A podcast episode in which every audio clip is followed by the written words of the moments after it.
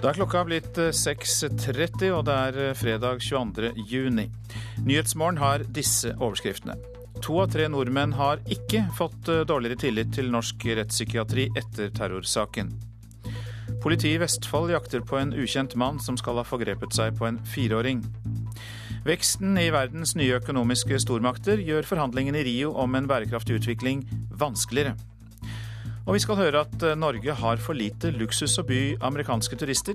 Firestjerners hotell er ikke godt nok.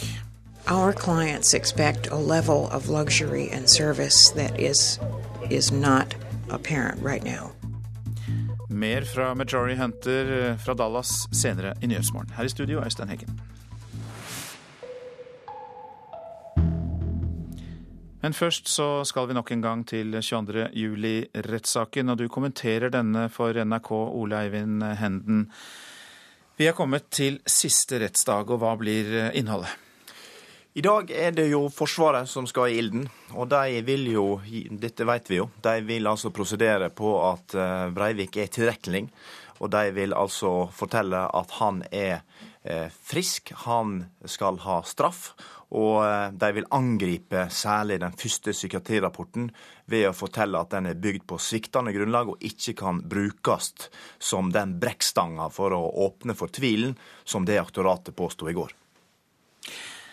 Du blir med oss videre. Vi tar også med oss nå at to av tre nordmenn ikke har fått dårligere tillit til norsk rettspsykiatri etter terrorsaken. Det viser altså en spørreundersøkelse gjort for NRK. Og det skjer da til tross for den massive kritikken som har kommet fram mange steder. Én grunn kan være at uh, rettspsykiatrien har hatt mye å gå på, sier omdømmeekspert Trond Blindheim.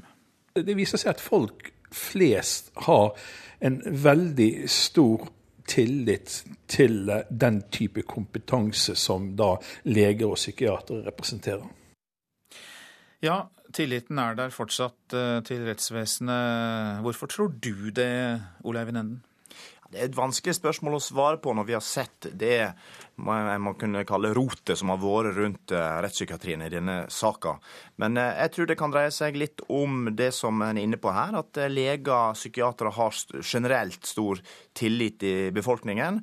Og også det at en har ikke hatt veldig mye innsyn og kunnskap om eh, rettspsykiatriske prosesser fra før. Det har jo endra seg gjennom denne saka. På den andre sida så kan en også si at eh, en har fått innblikk i Breivik, hvor komplisert dette mennesket er, og hvor vanskelig det er å komme fram til noen entydig diagnose. Og at en rett og slett har en forståelse for den vanskelige jobben det er å prøve å nå fram til et svar om psyken hans. Mm. Aktoratet de gikk jo i går inn for tvunget psykisk helsevern, som vi nå godt vet. Men de uttrykte også tvil. Og hvilken betydning kan den tvilen få? Ja, Tvilen er jo selve kronargumentet for at de ender der de gjør. Det er jo altså slik at aktoratet kan iallfall på bakrommet nærmest synes at det er mest sannsynlig at han er tilgjengelig, og likevel komme ut og påstå at han skal overføres til, til psykisk helsevern. Det er klart at slaget står om hvor stor eller hvor liten denne tvilen er. For dette er jo det spørsmålet som en eh, strever med, og som retten må ta stilling til. Dersom det er, blir skapt tvil gjennom psykiatrirapporten til eh, Sørheim og Husby, så må en altså ta stilling til hvor stor er den tvilen, fordi at det kan tippe saka den ene eller den andre veien. Men likevel så er det vel slik at retten, når den skal felle sin eh, dom, kan ende på tilregnelighet? Ja, akkurat. Fordi at de kan gjøre flere ting.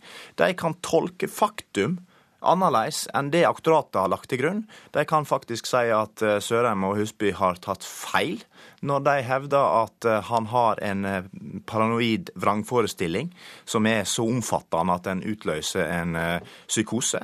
De kan også si at tvilen som er skapt rundt den rapporten, er så liten at det likevel er forsvarlig å dømme Breivik til fengselsstraff. Var det ventet at aktoratet ville stille så strenge beviskrav til tilregnelighet som de faktisk gjorde? Ja, og det var ikke særlig overraskende at de ville legge seg ganske høyt. Altså De vil si at eh, en må med kanskje Nå ville ikke Holden bruke prosenter i går, men at en, en tolkning er at han nærmer seg 75-80% sikkerhet for at Breivik eh, er, er tilrekkelig for at de skulle gå for en påstand der, og de følte at de ikke nådde dit. Det er nok ikke så veldig overraskende. Det som kanskje var mer overraskende, var hvor kritisk de var til rapporten til Sørheim Husby. De nærmest fillerista den. Og Dermed så kom de også med en subsidiær påstand om at dersom retten skulle vurdere denne rapporten eh, litt annerledes enn det som aktoratet gjør, så åpner de altså for eh, forvaringsstraff, altså en såkalt subsidiær påstand. Og Det var kanskje det mest overraskende med det som kom i går. Og som dermed gjorde utfallet fortsatt svært åpent, kanskje? Ja, dette er ei åpen sak fremdeles, og det blir interessant å høre Lippestad i dag eh, prosedere på tilregnelighet, og hva slags eh, sår kan han påføre den første eh, psykiatrirapporten i forhold til å skape det rommet som eventuelt da retten må finne for å kunne komme til en annen konklusjon enn det aktoratet gjorde i går. Mange takk skal du ha, Ole Eivind Henden, som kommenterer denne saken for NRK. Politiet i Vestfold ber om tips etter at en fire år gammel jente skal ha blitt utsatt for seksuelt overgrep av en fremmed mann på Svarstad onsdag. Politiet tror mannen fulgte jenta inn i en trappeoppgang, forteller politiadvokat Lise Dalhaug. Barnet mener at han skal ha mørkt eller svart hår, og han skal ikke ha hår på toppen av hodet og han skal ha kjørt en lang, mørk bil av eldre årgang. Det skal også være en eh, person i nabolaget som skal ha sett en mann som eh, passer til beskrivelsen, og skal ha utfylt dette med at han skal være mellom 45 til 60 år, og skal ha gått i en shorts og skal ha hatt et nordisk utseende. Politiadvokat Lise Dalhaug. Flesteparten av de prostituerte kvinnene i Oslo blir utsatt for grov vold av kundene sine. Det kommer fram i rapporten Farlige forbindelser, omtalt i Dagbladet i dag. Sosialbyråd Anniken Hauglie fra Høyre mener loven som forbyr sexkjøp må oppheves. Etter sexkjøploven har det vært vanskeligere for kvinnene å søke hjelp fordi de føler seg kriminalisert. Maktforholdene i verden endres raskt. Midt under finanskrisen i vestlige land så styrkes økonomien i andre deler av verden. Framtidas økonomiske stormakter krever å bli hørt. Og Det preger Rio-forhandlingene om en bærekraftig utvikling, og det kom til uttrykk da statslederne skulle fotograferes. Fotografen dirigerer. Du burde sett dette bildet. 130 drakter og dresser med statsledere. Brasil, Russland, India, Kina og Sør-Afrika er til stede, men ingen amerikaner, engelskmann eller tysker er med på bildet. Verden blir kanskje ikke bedre pga. Rio-konferansen om miljø og utvikling, men den er blitt helt annerledes. It's the beginning of a new era, yes. Rachel Kite er visepresident i Verdensbanken, bærekraftansvarlig og velvitende om at for 20 år siden var det rike land som måtte hjelpe fattige land. Private selskaper skapte bare problemer, ingen løsninger. Slik er det ikke nå. Increasingly investment is not coming from north to south. Investment is coming from north to south, south to south, south to north. This is a flat, multi-speed, multipolar world, and most of the poles are actually represented here in this event. I konferansegangene går Kina og leder G77, forhandlingsgruppen av flere utviklingsland, som ledestjerne i økonomisk vekst, med afrikanske land, nye og fremtidige markeder under sine vinger. Toppmøter handler ikke bare om et tema, men om å skjønne møteplassens maktsentrum til nettverksbygging. Uh, you know, so we, we Building alliance. I'm not, I'm not alliance, Sier Kinas viseutenriksminister Fu Ying. Kina har nå utvilsomt mye mer makt enn tidligere.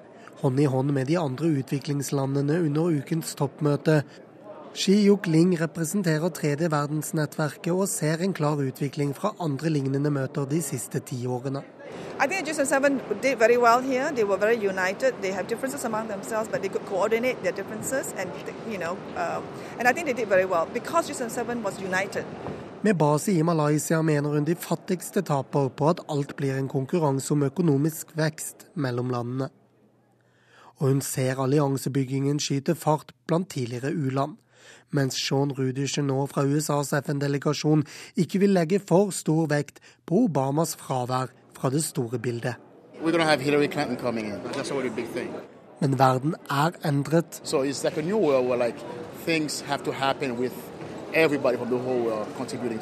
For når flere krever å bli hørt, blir internasjonal enighet vanskeligere enn noen gang.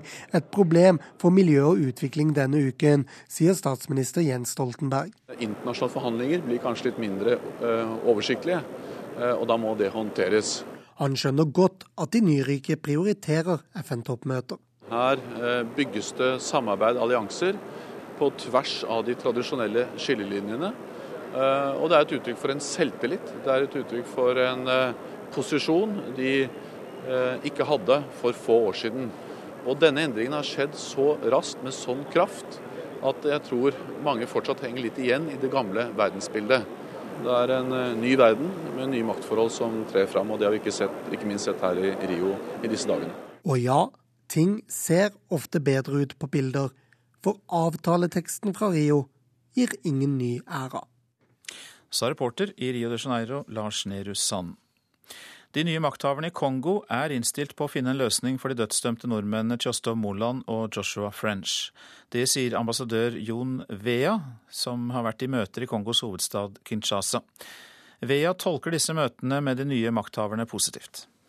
Vi opplever at uh, om et nytt mannskap som også virker som de har ambisjoner om å utrette ting i Kongo, at de kan medvirke til noe, at vi kommer mot en løsning. Vea bekrefter at han møtte flere sentrale nye ministre, med justisministeren i spissen, under sitt ukelange besøk. For Denne saken her, den er så komplisert i Kongo at den finner ikke en løsning uten at uh, man på høyeste nivå gir uh, altså, føringer om hvordan saken skal løses. Men det er også veldig viktig for oss å å ha god kontakt med justisministeren. Kan man håpe på en rask løsning her? Jeg tror ikke er, saken er tjent med at man skaper noen forventninger. Det har jo vist seg at ting tar tid i Kongo. Og eh, reporter her, det var Kjell Pedersen. Så noen ord om eh, avisene i dag. Det er mye om 22. juli-rettssaken. De bygger sin straffepåstand på tiltroen til to psykiatere og gjør dem til dommere uten kappe, skriver Aftenpostens kommentator Harald Stanghelle om aktorenes påstand. Av 14 psykiatrieksperter som har redegjort for Breiviks tilregnelighet, har bare to snakket om hans utilregnelighet, skriver Dagbladet. Men det mener statsadvokatene skaper nok tvil om hans tilregnelighet. Påstanden om utilregnelighet kan bli en verkebyll, skriver Klassekampen. Kirkeledere og historikere frykter konsekvensene hvis Anders Behring Breivik dømmes til psykisk helsevern. En dom vi aldri blir ferdig med, sier historiker Terje Empeland. Selv om dommen skulle bli at Breivik var utilregnelig, kan ikke handlingene bare feies bort som en gal manns verk, skriver Vårt Land på lederplass. Kraftige reaksjoner, det er oppslaget i Dagsavisen. 22. juli-ofre mener en utilregnelighetsdom kan gjøre det vanskelig for dem å komme videre i livet. Jeg hater ham, sier Eskil Pedersen til VG. AUF-lederen forteller avisa hva han egentlig mener om Anders Behring Breivik. PST får ungdom ut av nynazistmiljøet, er oppslaget i Adresseavisen. Bekymringssamtaler har gitt resultater, og Politiets sikkerhetstjeneste mener nynazistorganisasjoner både i Trondheim og, for nynazistorganisasjoner både i Trondheim og på Fosen. 19-åring advarer andre unge mot å bli med i dette miljøet. Utenlandskabler kan gi dyrere strøm, er oppslaget i Nasjonen. Energiminister Ola Borten Moe utelukker ikke at de nye undersjøiske kraftkablene til Storbritannia og Tyskland kan føre til høyere strømpriser for norske forbrukere. Max minus, skriver Dagens Næringsliv om sports- og motekonsernet Gressvik, som tapte 207 millioner kroner i fjor. Selskapet skylder på dårlige vintre og kostbar satsing på G-Max-butikkene. Oppblåste teatertall er tema i Stavanger Aftenblad. Over 30 000 av de 169 000 registrerte besøkende til Rogaland teater i fjor så realiteten eh, den aktuelle forestillingen i Danmark, og ikke i Stavanger. Rogaland teater teller nemlig med danske oppsetninger som de har eh, samarbeidet om. Så er eh, Portugal klar for semifinalen i EM etter 1-0 mot Tsjekkia i går. Og selvsagt var det Cristiano Ronaldo som til slutt sørget for portugisisk jubel. Det var en fantastisk kamp av Portugal. De første 20 minuttene var ikke så bra, men derfra ut dominerte vi og skapte nok av muligheter. Cristiano Ronaldo ble tungen på vektskålen da Portugal tok seg til semifinale i fotball-EM etter 1-0 mot Tsjekkia i går. Der kom skåringen, og gjett hvem det var! Ja, gjett da! Gjett hvem det var! Det var mannen vi har snakket om i hele aften! Det var Cristiano Ronaldo! Etter en treg start på mesterskapet for Ronaldo og Portugal, er det nå kun Spania eller Frankrike som står i veien for en finalebillett. 27-åringen håper på muligheten til å revansjere finaletapet for Hellas på hjemmebane i 2004. Målet vårt er å nå finalen. Vi har et bra lag, og nå har vi en 50-50 sjanse til å nå det målet. Så vi må bare fortsette å ha troen på at vi vil klare det. Reporter Anders Mjåland. Nå til USA og mesterskapet til National Basketball Association. Det var litt vrien, den der. Det er klart at Miami Heath er NBA-mestere denne sesongen. Stjernegalleriet med LeBron James i spissen vant den femte finalekampen mot Oklahoma City Thunder med sifrene 121-106 og sikret seg dermed tittelen i NBA. Og det er andre gang Miami Heat vinner dette mesterskapet. Du lytter til Nyhetsmorgen, og klokka den går mot 6.47. Dette er hovedsaker. To av tre nordmenn har ikke fått dårligere tillit til norsk rettspsykiatri etter terrorsaken. Flesteparten av de prostituerte kvinnene i Oslo blir utsatt for grov vold av kundene sine. Sosialbyråden mener loven som forbyr sexkjøp må oppheves. Og vi skal høre at danskene vil ha inn salmer for homofile i salmeboken. Norge har ikke de luksustilbudene som amerikanske turister vil ha. Reiseglade og pengesterke amerikanere jakter på nye reisemål og er svært begeistret for naturen her til lands men selv ikke et firestjerners hotell er godt nok for de mest kresne. Midt i hjertet av Sunnfjord, på et idyllisk gardstun, står Steinar Sørli og tripper foran et bord med champagne og kanapeer. Han venter kresne gjester på Åmot gard i dag. Ja, vi gleder oss nå. De kommer jo fra hele USA, så nå håper vi at de liker seg her i Sunnfjord og vil komme tilbake med gjester. Stille opp med nyåpna champagne? Ja, selvfølgelig. Det må være champagne og selvfølgelig andre lokale råvarer. Hei! Velkommen. Ut av bilen kommer åtte amerikanske reiselivsagenter som akkurat har blitt kyssa fra Bergen med privat yacht. De er på synfaring for å vurdere Norge som reisemål for kremen av amerikanske reisende. I love it. I can hardly wait to send clients here. We have not understood how incredibly beautiful and rich and interesting this country is, and it's time we discovered it. Jeg elsker det og kan knapt vente med å sende kunder hit, sier Marjorie Hunter fra Dallas. Vi har ikke innsett hvor utrolig vakkert og spennende dette landet er, forteller hun. Men storslått natur er ikke nok alene. Our clients expect a level of luxury and service that is, is not apparent right now. Våre kunder forventer et nivå med luksus og service som ikke er til stades nå, forteller Hunter. Hun og følget bor på Solstrand hotell utenfor Bergen, et av de flotteste i Norge. Hun kaller det et firestjerners hotell, og mener fem stjerner er minimum for hennes kunder. Og Dessverre så er det slik at Norge fram til ganske nylig har vært kjent for dårlig mat, lavbudsjettovernatting Christine Gaffney i The Travel Designer i Bergen er på et vis vertskap for norgesturen til sine amerikanske kollegaer. Hun prøver å by fram Norge til verdens mest kresne reisende. Så eh, Vi er nok akkurat på begynnerstadiet med å, å, berøre dette segmentet som vi da kaller luksussegmentet. Det er folk som legger mer penger i opplevelsene men de forventer også ypperste kvalitet. Og det er klart det at et sted som da f.eks. Åmot her vi er i dag, der har de forstått hva service er. De går, de går, opp på rommene før gjestene skal gå til sengs om kvelden, og åpner dynen, sånn at sengen er klar. De har håndlagde såper på rommene som dufter deilig. Eh, de går ut om morgenen før frokost og plukker jordbær fra sin egen hage, eller urter som de bruker i, i maten som de serverer til middag. Men de fem rommene på Åmot gard er ikke nok til å ta imot ei bølge av luksusturister. Og Norge vil aldri kunne tilby luksushoteller som de savner.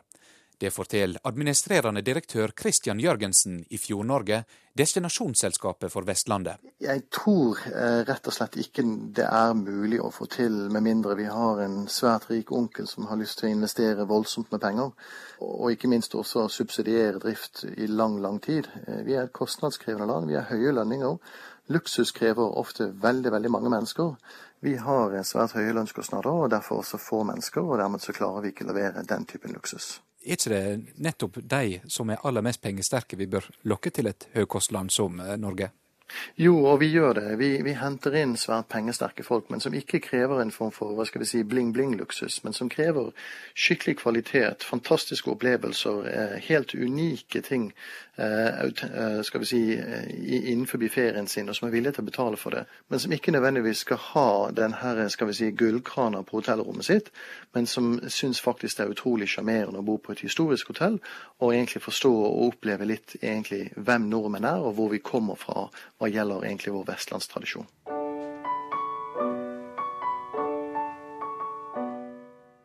Besøket på Åmot gard ble krona med en privatkonsert av det tolv år gamle lokale talentet Synne Askevold. Slike opplevelser skal amerikanerne fortelle om når de vender hjem til en konferanse med 4000 kollegaer. Og det er veien å gå, mener Gaffney i The Travel Designer. Vi trenger ikke femstjerners hotell men vi trenger femstjerners opplevelser. Og Åmot operagard er ikke et femstjerners hotell, men opplevelsen er femstjerners. Og det er hele totalpakken. Og den som rapporterte om denne opplevelsen, det var eh, NRKs mann Erlend Blålid Oldeide. Mennesker som har vært uten jobb i bare noen måneder, kan bli merket for livet og få problemer med å komme i arbeid igjen. Det viser en studie utført ved Norges handelshøyskole, skriver Bergens Tidende. Professor Øyvind Anti Nilsen sier til avisa at både arbeidsgivere, arbeidstakere selv og velferdsstaten må dele ansvaret for dette. Han mener at eh, jobbsøkere med bare korte ledighetsperioder kan risikere å bli regnet som uskikket av eh, arbeidsgivere.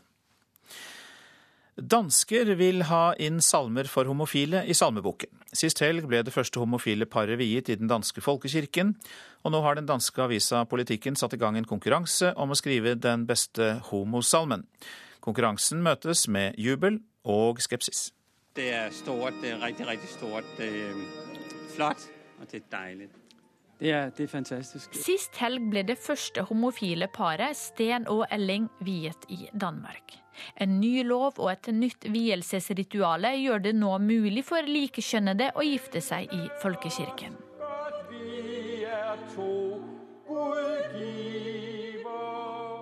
Nå er danske salmediktere invitert til en konkurranse om å skrive homosalmer for brylluper. Bakgrunnen er jo at uh, vi nå i Danmark uh, har vedtatt at uh, homoseksuelle par også kan vies i kirken. Og i den forbindelse kom ideen opp. Kan man synge de salmer som, som man tradisjonelt synger, eller er det egentlig behov for at det skrives noen nye som tar i betraktning at man er av samme kjønn. Sier Anita Bay Bondegård, kulturredaktør i avisen Politikken, som er ansvarlig for salmekonkurransen. Mange forslag til salmer har allerede kommet inn. Salmedikter Anne Wad syns det er på tide med salmer som hyller kjærlighet mellom likekjønnede. Jeg syns det var viktig at det slå fast at for Gud er alle like, og øh, at det er en soleklar ting at homoseksuelle skal ha den rett. I Norge er likekjønnede ekteskap fremdeles ikke tillatt i kirken. Derfor er ikke slike salmer aktuelle for den norske salmeboken, sier Vidar Christensen, prosjektleder for den nye salmeboken. Først må i tilfelle Den norske kirke eh, vedta en liturgi for vigsel av samkjønnede par. Eh, og før vi får det, så er det jo ikke aktuelt å ta sånne salmer inn i, i, i salmeboka. Salmedikter Eivind Skeie syns det er flott at danskene har greid å finne et liturgisk språk som også favner homofile, og vurderer nå selv å skrive en salme for likekjønnede bryllup. Kirken skal jo gi livstolkning til mennesker. og å gi livstolkning på dette feltet her, det, det, er, ja, det er en kreativ, spennende oppgave. Reporter Sofia Paskiewicz. Stadig flere sørlendinger dropper rege til fordel for reke. Forskere skal nå lage en ordbok for å redde utrydningstruede bløte, eller var det bløde, konsonanter. Språket vi taler her i byen og nærmeste omegn, er på mange måter noe for seg, og står som en representant for de bløde konsonanters landsdel. I dette opptaket fra 1935 slår lektor Ugland fra Arendal fast at de bløte konsonantene er noe av det som særpreger sørlendingen. Men nå er BDG på retur. Reke. Reke. Reke. Ræge. Ræge. Ræger eller ræge. Ræge. Selv om mange av ungdommene ved Bystranda i Kristiansand fortsatt foretrekker ræge framfor reke, så er de i mindretall. Og det blir stadig færre av dem, skal vi tro språkforsker Ingrid Kristine Hasund og bibliotekar og språkviter Birgitte Kleivseth ved Universitetet i Agder. BDG, blaude konsonanter, de holder på å dø ut på Sørlandet. Sier Birgitte Kleivseth. Eh, unge folk, barn, folk som har bodd andre steder, kommer hjem med, blau, nei, med harde konsonanter. Eh, og snart vil de forsvinne.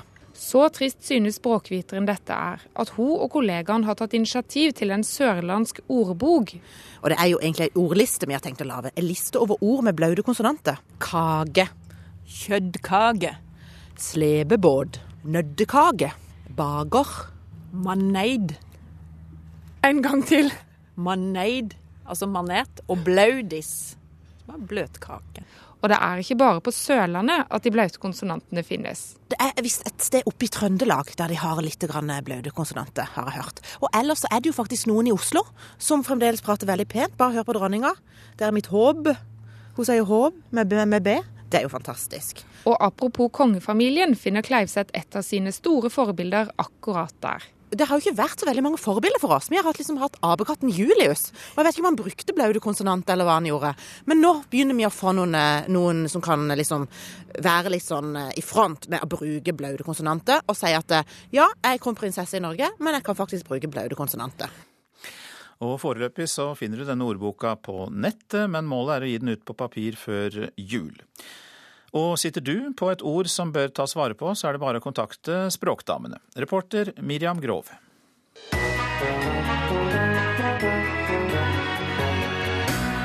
Hvilket krydder er hovedstaden i Oman?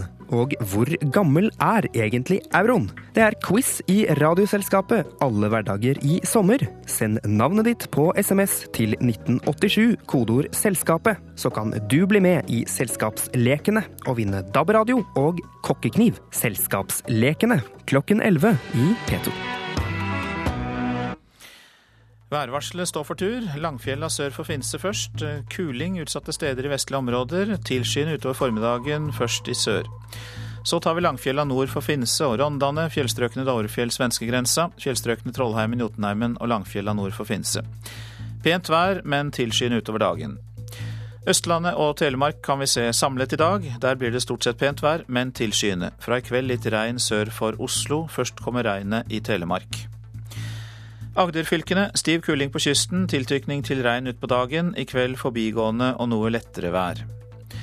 Rogaland liten kuling utsatte steder, i kveld litt minkende. Tilskyende fra i ettermiddag litt regn, først i sør. Hordaland får stort sett pent vær i dag, men tilskyende i ettermiddag. I kveld kan det bli litt regn. Også der kommer regnet først i sør. Sogn og Fjordane får stort sett pent vær, men tilskyende i kveld. Møre og Romsdal stort sett pent. Helgeland og Saltfjellet får det meste pent. Salten, Ofoten, Lofoten og Vesterålen spredte regnbyger, etter hvert opphold og lettere skydekke. Troms spredte regnbyger, mest i ytre strøk, fra i ettermiddag stort sett opphold. Finnmark liten kuling i øst, utsatte steder, enkelte regnbyger, gradvis avtagende byggeaktivitet. På vidda blir det oppholdsvær, og det kan bli sol også der.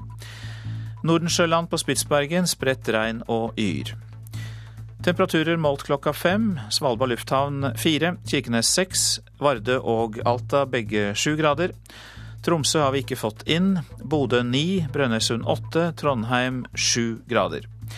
Så har vi heller ikke fått inn temperatur fra Molde, men Bergen-Flesland hadde 16 grader. Stavanger 15. Kristiansand-Kjevik 14. Gardermoen 10. Lillehammer 11 grader, Røros 4 grader og Oslo-Blindern hadde 15 grader klokka fem i natt.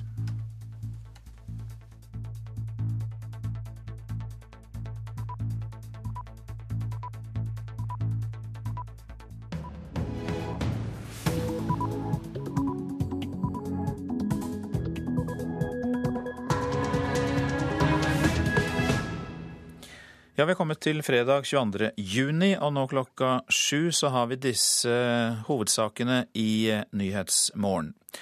To av tre har ikke fått mindre tillit til rettspsykiatrien, tross massiv kritikk mot faget under terrorsaken.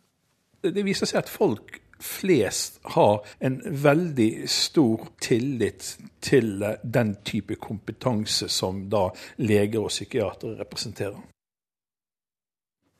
Omdømmeekspert Trond Blindheim. Innvandrerbarn har større risiko for å bli overvektige enn andre barn, viser internasjonal studie. De drikker mer sukkerrike drikker, og det tilsvarer altså 80 liter i året. Forsker Nanna Lien. Politiet i Vestfold jakter på en ukjent mann som skal ha forgrepet seg på en fireåring. Veksten i verdens nye økonomiske stormakter gjør forhandlingene i Rio om eh, bærekraftig utvikling vanskeligere. Og Det er et uttrykk for en selvtillit. Det er et uttrykk for en uh, posisjon de uh, ikke hadde for få år siden. Og Denne endringen har skjedd så raskt med sånn kraft at jeg tror mange fortsatt henger litt igjen i det gamle verdensbildet. Statsminister Jens Stoltenberg, som altså er i Rio.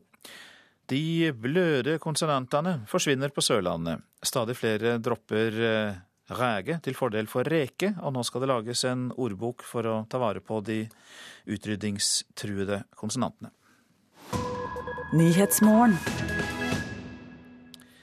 To av tre nordmenn har ikke fått mindre tillit til norsk rettspsykiatri etter terrorsaken. Det viser en spørreundersøkelse gjennomført for NRK.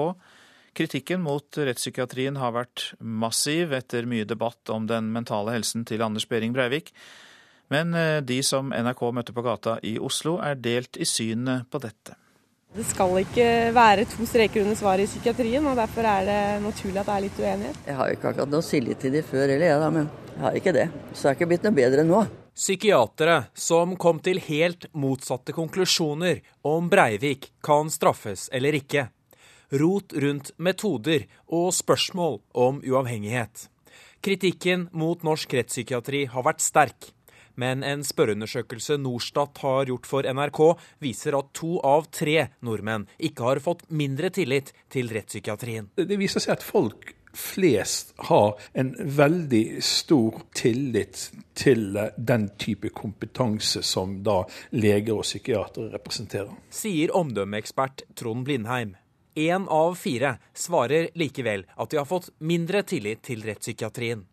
Blindheim tror også skepsisen blant folk kan være større enn tallene viser, siden undersøkelsen ikke forteller hvor skeptiske folk var i utgangspunktet. Kanskje er det slik at folk ikke hadde tillit, og at denne saken ikke har endret noe vesentlig på den. Vi har fremdeles ikke tillit. Vi får bare bekreftet det vi visste fra før om norsk rettspsykiatri. Rettspsykiater Kjersti Naru er glad for at ikke alle har mistet troen på norsk rettspsykiatri. Men hun skjønner godt hvordan noen tviler på hvordan medisinske skjønn og vurderinger skal brukes for å finne klare svar i jussen. Når dette skjønnet, disse vurderingene, skal presses inn i jussens ja eller nei, så oppstår det vansker, og jeg tror det er de vanskene vi har sett en del av i denne saken her. Hva bør rettspsykiatrien gjøre nå framover, tror du? Ja, jeg tror vi skal gjøre det vi lenge har tenkt vi skal gjøre. Når denne saken nå er over i morgen, eh, så skal vi se på eh, både eh, tilregnelighetsbegrepet, vi skal se på hvordan vi utformer jobben når vi jobber og får oppdrag fra retten, hvordan gjennomføringen er, og kvalitetssikringen av det arbeidet vi gjør i forhold til er vi gode nok, er vi oppdatert, har vi kurset, kan vi lovverket godt nok, og omstendighetene rundt å benytte seg av av eh, den judisielle observasjonen i denne institusjonen i utformingen av erklæringene. Dette er det ikke noe klart nedfelt i forhold til, og det må vi få til på et eller annet vis. Og det var eh, Haldor Asvald og Tom Ingebrigtsen som hadde laget eh, denne reportasjen. Rettspsykolog Pål Grøndal, du har jo fulgt terrorsaken og vært kommentator for flere medier. Er du overrasket over at tilliten til norsk rettspsykiatri er såpass høy? Ja, litt, så må jeg si det. Fordi det har jo vært eh, av og til eh, rødmende ubehagelig å lese hvilke typer kritikker som har kommet i avisene. Noen er enig med rettspsykiater Husby at det har vært nærmest elleville tilstander. Og noe kritikk har vært sunn og god og riktig. Det kan jo hende at, eh, at dette har vært et slags krasjkurs i rettspsykiatrisk metode for folk flest. Altså man får et innblikk i en faggruppe som aldri før. Og at man skjønner hvor komplisert det er og at det ikke finnes kanskje de svarene vi ønsket å få, altså de entydige svarene på hvordan kunne dette skje. Kanskje folk skjønner at nei, det er ikke det man skal gjøre som rettspsykiatrisk sakkyndig. Man skal faktisk bare svare på noen spørsmål, og det er det. Forståelsen må vi kanskje finne etter hvert. Hvordan syns du mediene har formidlet eh, denne uenigheten og eh, denne nesten kanskje aha-opplevelsen folk har fått eh, rundt rettspsykiatri? Ja, mediene har vært så forskjellige. Eh, jeg syns jo av og til eh, at det har vært veldig dramatisert, særlig én ting, nemlig at to, to, erklæringer kommer til to konklusjoner, og så er det ergo er det krise. Men det er jo ikke det. Altså, ja, jo, vi vil gjerne ha svar. Jeg, jeg, forstår jo at folk eh, opplever det som veldig vanskelig å håndtere. Ja, men vi, vi sier jo ikke at det er krise fordi Storm og Yr ennå melder forskjellig vær. Eller at tingretten kommer til en beslutning, og så kommer lagmannsretten til en annen beslutning. Det er jo ikke krise. Men det er vel kanskje rett og slett uttrykk for hvor komplisert nettopp denne saken er. Og at vi rett og slett ikke kommer lenger. Og det er jo som noen riktig sier Diagnostiske systemer er ikke som et skohorn som kan presse enhver ned i gitte kategorier. Og her har vi kanskje funnet hva yttergrensene av dette fagfeltet kan tåle. Bjørn Ihler, du er også med oss i studio. Du er medlem av AUF. Du overlevde Utøya. Og eh, rettspsykiatrien har jo fått et veldig fokus eh, i denne saken. Hvordan opplever du det, du som så, har vært så involvert i den? Eh, jeg syns kanskje det har vært uh, overdreven fokus uh, i, i, mediene på rettspsykiatrien, mens uh, det selvsagt har vært en enormt viktig del av selve rettssaken. Men har den gjort det vanskeligere å håndtere rettssaken for deg, eller ikke? Den har ikke gjort det vanskeligere å håndtere rettssaken, nei. Hva syns da du om aktors påstand som kom i går om at eh, Anders Behring Breivik eh, da etter deres oppfatning bør dømmes, eller ikke dømmes da, men bør eh, få tvunget psykisk helsevern? For min del så spiller hvorvidt han blir dømt til tvunget psykisk helsevern eller ikke, enormt liten rolle. Det som spiller en rolle, er alle de berørte og de motivene Breivik hadde for å gjøre dette, som er valide uavhengig av om Breivik var tilregnelig eller ikke. Eh, nettopp fordi at eh, det er så mange som deler enkelte av synspunktene i Breiviks politiske manifest. Mange aviser eh, skriver i dag om at vi ikke blir kvitt tiltalte dersom han dømmes til psykisk helsevern, altså at det blir mer fokus på ham i årene fremover enn det ville blitt med en fengselsstraff. Har du tenkt over det? Jeg har tenkt over det, ja. Men det som er viktigst når det gjelder akkurat det, er eh, at han blir eh, dømt på en god og rettferdig måte i tråd med rettsprinsippene som eksisterer. Eh, og det tror jeg han kommer til å bli, og da får vi tåle den dommen som kommer. Pål Grøndal, hvordan tror du denne saken og fokuset på rettspsykiatrien har vært for sånne som Bjørn og andre som har vært berørt av saken? Jeg kan ikke vite hvordan det er for Bjørn. Eh, fordi jeg som sakkyndig kan ikke gå inn i hodet hans, som kanskje noen tror, og finne ut hva som skjer der. Heldigvis er han her og forteller litt om det, men, ja, men hvilket, inntrykk, om det selv. hvilket eh, inntrykk har du fått? Altså, som en synsing så kan jeg i hvert fall forstå om, om det kan virke forvirrende. Fordi vi får på en måte fra minutt til minutt-skildring av hva de sakkyndige har gjort Hva de sier, hva de ikke sier, spekulasjoner i det. Og jeg er jo enig med Bjørn at dette, denne, denne, saken på en måte har skjøvet rettspsykiatrien så veldig fram. Og, og, det er helt riktig som, som Beyer Eng, eh, statsadvokaten, sa i går. Jeg må minne meg selv ofte om hva denne saken egentlig skal dreie seg om. Hva den burde dreie seg om, og hva den dreier seg om. Det er ikke om rettspsykiatri. Det er om døde, sårede, tragedier. Bare tristesse, hele greia. Sånn at jeg har til tenkt at Si meg, er det, er det rettspsykiatrien som er på anklagebenken, eller er det Anders Behring Breivik? Um, det er ikke noe forsvar, men det er rett og slett, jeg syns av og til at fokus må bli, bli litt gærent. altså. Det er som om noen hyper opp situasjonen og tenker at nå skal vi ta denne rettspsykiatrien. Og så bruker man da det som Husby kaller eh, studioenes livgivende varme til det. Dette er da siste rettsdag, og Bjørn Iler, eh, hvordan ønsker du å forsøke å komme videre etter at saken nå er ferdig denne omgang? Eh, jeg mener at dette altså, Utøya-saken er en sak som kommer til å leve med de av oss som var der, og alle de andre berørte resten av livet. Og, og rettssaken er egentlig bare et kapittel i det som er en lang bok. Så jeg, jeg, kommer til å jobbe på mange måter videre med ting som er relatert til denne saken. Jeg kommer til å jobbe videre med ytringsfrihet, som har vært en av mine store kampsaker eh, gjennom saken. Eh, for jeg har en filosofi om at eh, måten å unngå at eh, lignende ting skal skje igjen på, er ved å bringe eh, ekstreme meninger ut i lyset, sånn at folk ikke føler at de blir sensurert eller må selvsensurere seg selv, slik eh, Breivik har beskrevet. Eh, og, og, dermed blir så frustrert at de går til handlinger som Breivik gjorde.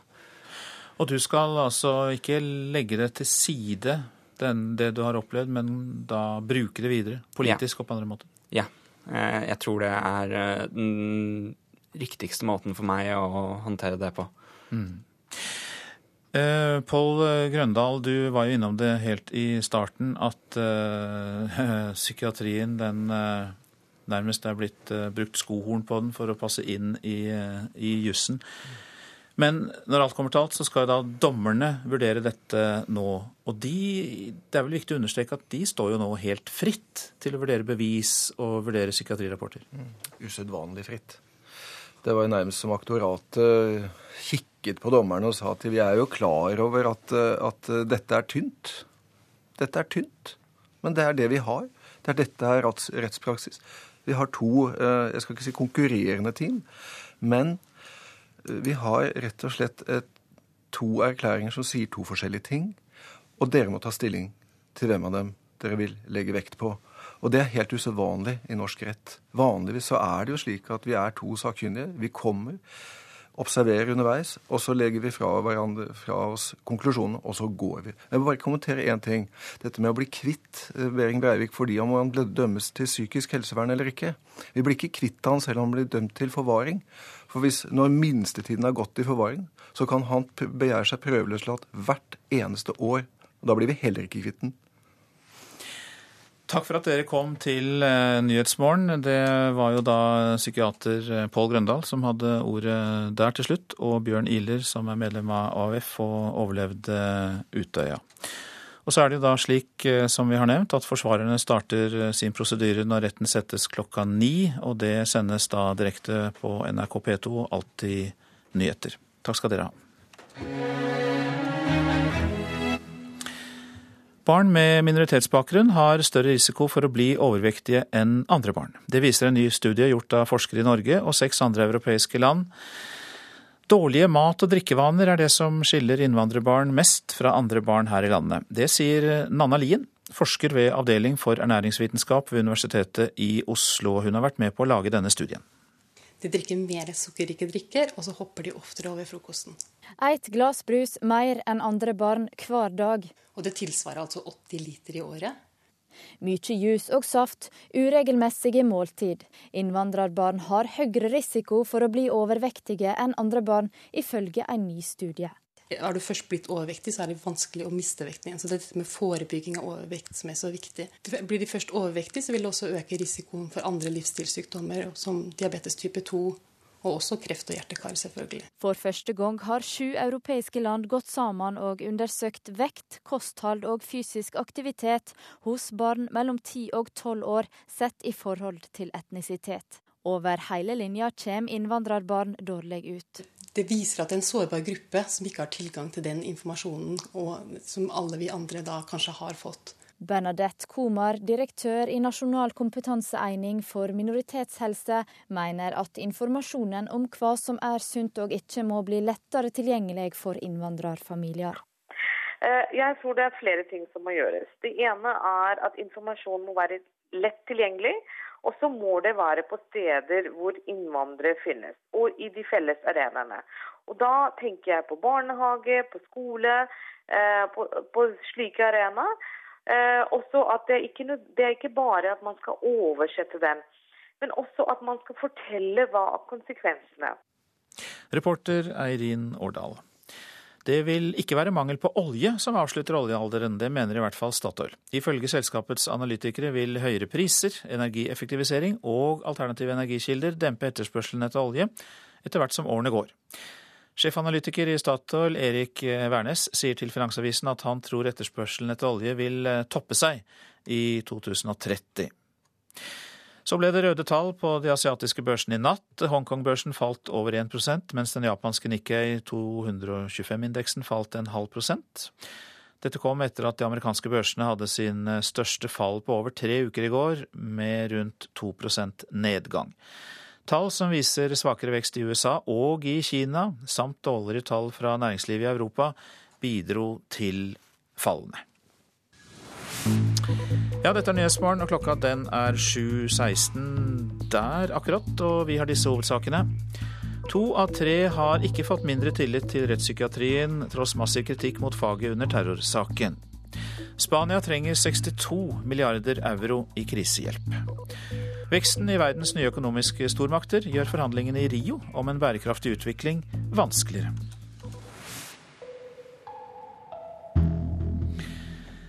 Og en gjenganger er jo selvfølgelig gjeldskrisen i Europa. Nok en gang i sentrum når finansministrene i EU møtes i Luxembourg i dag. Og i går så kom finansministrene i eurosonen sammen og fikk da beskjed om at Spania hvor mye de trenger i krisehjelp, spesielt bankene, da, for å overleve. Europakorrespondent Hege Moe Eriksen, du er i Madrid. Og ja, beløpet kom vel opp i 62 milliarder euro.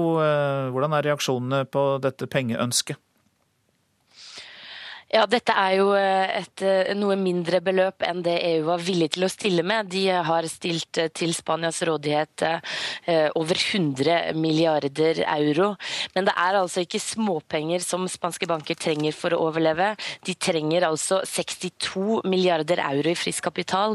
Og årsaken til det er jo det enorme omfanget av råtne lån som spanske banker sitter på etter at Spanias boligboble sprakk. Det var altså en spansk boligfest fest som Europa ikke har sett maken til, og som ble finansiert med lånte penger, og som brått kollapset eh, med finanskrisen i 2008. Nå sitter bankene igjen med regninga eh, for boliglån som ikke lenger betaler for seg. Og Spania har jo hele tiden hardnakket påstått at de har det sunneste og mest robuste bankvesenet i Europa. I går kom rapportene som viser det motsatte. Og det er altså ventet at eh, økonomiminister De Gindos vil levere inn en formell formell søknad på akkurat hvor mange penger Spania kommer til å trenge i løpet av eh, de neste dagene. Ja, Det har vist seg at det er mye som vi trodde var solid, som eh, ikke er det likevel i denne krisen. Men hvis du skal våge en sammenligning Spania f.eks. kontra Hellas, eh, hvor alvorlig er krisen i Spania? Den kan nok ikke sammenligne med, med, med, krisen i Hellas, er mye mer akutt enn det, det den er i Spania. Men likevel så har vi sett at krisen i Spania har forverret seg kraftig den siste tida. Det er blitt vanskeligere og dyrere for Spania å låne penger i markedene. Lånerenta har skutt i været. Eh, den er, har vært helt opp på over 7% den siste uka. Og det er et nivå som ikke er eh, holdbart for et land på lang sikt.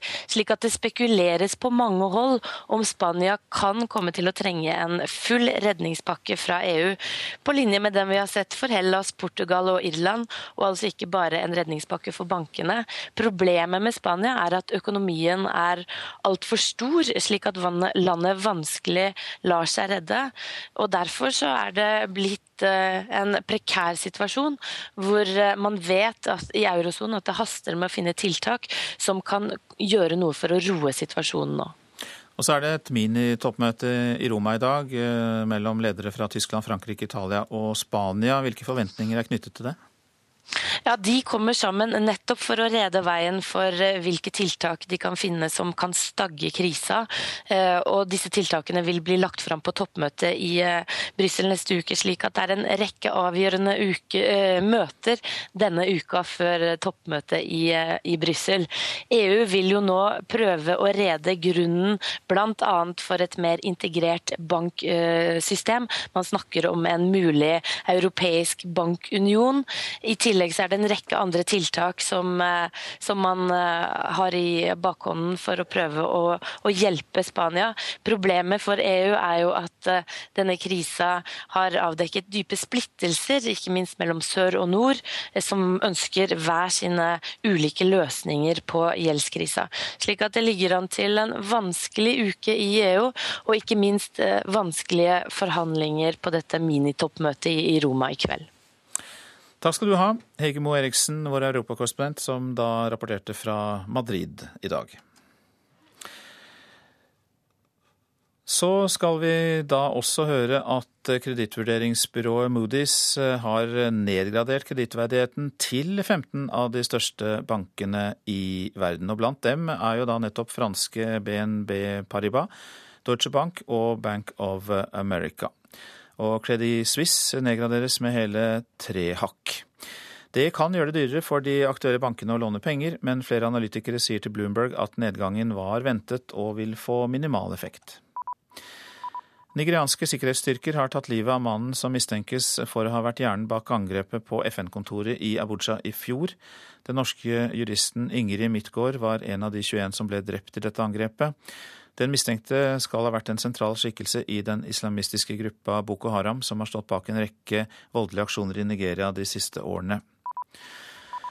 Volden i Syria krevde 168 menneskeliv i går. Ifølge aktivister var de fleste av de drepte sivile. En talsmann for de syriske aktivistene mener gårsdagen var en av de blodigste dagene i landet siden opprøret mot regimet brøt ut i mars i fjor.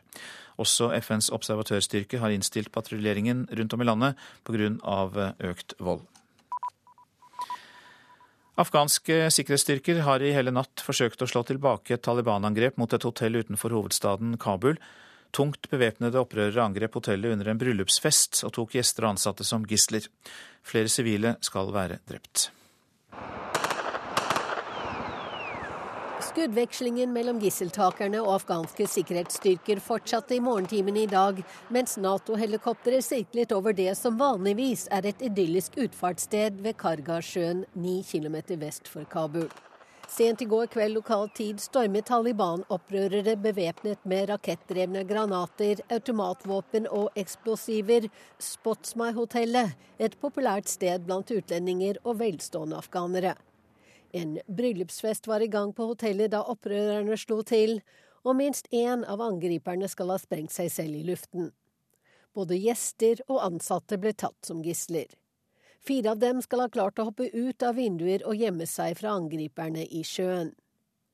Ved daggry satte afghanske sikkerhetsstyrker i gang en offensiv mot hotellet, men terroristene holdt stand og svarte på ilden i flere timer. Vel åtte timer etter at angrepet startet er mellom 35 og 40 gisler befridd, blant dem kvinner og barn, og to av opprørerne er drept. Det skal også være sivile som er drept i aksjonen. Hotellets øverste etasje skal nå være ryddet for terrorister, ifølge politisjefen i Kabul, som ikke vet hvor mange gisler som fortsatt befinner seg i hotellet. Taliban sier at de står bak angrepet mot hotell Spotsmai, som en talsmann beskriver som et sted der utlendinger samles hver torsdag kveld til ville fester med alkohol. Utenriksmedarbeider Wenche Eriksen. Dagens aviser skal vi se litt på nå. De bygger sin straffepåstand på tiltroen til to psykiatere og gjør dem til dommere uten kappe, skriver Aftenpostens kommentator Harald Stanghelle om aktorenes påstand i 22. Av 14 psykiatrieksperter som har redegjort for Breiviks tilregnelighet, har bare to snakket om hans utilregnelighet, skriver Dagbladet. Men det mener statsadvokatene skaper nok tvil om hans tilregnelighet. Påstanden om utilregnelighet kan bli en verkebyll, skriver Klassekampen. Kirkeledere og historikere frykter konsekvensene hvis Anders Behring Breivik dømmes til psykisk helsevern. En dom vi aldri blir ferdig med, sier historiker Terje Embeland. Selv om dommen skulle bli at Breivik var utilregnelig, kan ikke handlingen bare feies bort som en gal manns verk. Det skriver Vårt Land på lederplass. Kraftige reaksjoner, det er oppslaget i Dagsavisen. 22. juli-ofre mener en utilregnelighetsdom kan gjøre det vanskelig for dem å komme videre i livet. Jeg hater ham, sier Eskil Pedersen til VG. AUF-lederen forteller avisa hva han egentlig mener om Anders Behring Breivik. PST får ungdom ut av nynazistmiljøet, er oppslaget i Adresseavisen. Bekymringssamtaler har gitt resultater, og Politiets sikkerhetstjeneste mener nynazistorganisasjoner er svekket, både i Trondheim og på Fosen. 19-åring advarer andre unge mot å bli med i dette miljøet. Utenlandskabler kan gi dyrere strøm, er oppslaget i Nasjonen. Energiminister Ola Borten Moe utelukker ikke at de nye undersjøiske kraftkablene til Storbritannia og Tyskland kan føre til høyere strømpriser for norske forbrukere. I dag tar svenskene på seg finstas og blomsterkranser, og de danser til og med rundt en stang i hagen, uansett vær. Mens vi feirer sankthansaften lørdag, så holder svenskene på tradisjonen med midtsommeraften på fredagen, som ligger nærmest 23. juni.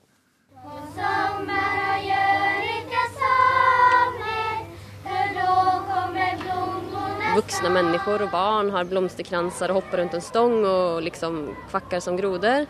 Hvilket liksom kjennes helt naturlig for svensker.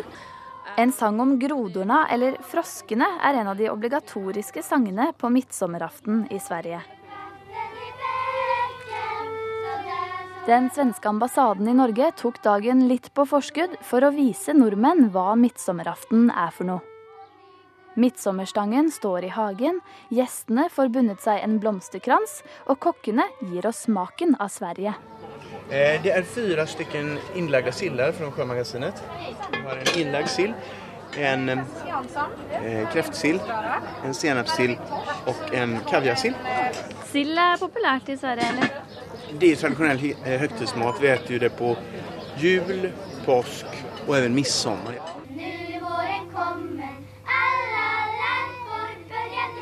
Louise Windberg mener dagen kan sammenlignes med 17. mai, og forteller om en tradisjonsrik høytid. Man klær midsommerstongen, og man binder blomsterkranser, og så spiser man og danser rundt stongen. Og så der. Og sen så fortsetter festen utover dagen og kvelden og natten. da. Om man skal liksom skjemte litt, så sier man at svenskene danser en gang om året. Eh, at vi, som, vi kanskje er for å være litt så litt stela så, men eh, på, på midsommerafton så finnes det ingen hemninger. Da slipper Da er det all in. Og da synger og danser man altså rundt denne grønnkledte stangen som man tidligere på dagen har pyntet sammen. Men det finnes jo faktisk en veldig bred eh, oppfatning blant svensker at midsommerstången egentlig er en fallossymbol. Og at midsommar er en fruktbarhetsfest der, eh, der, der midsommerstången befrukter jorden.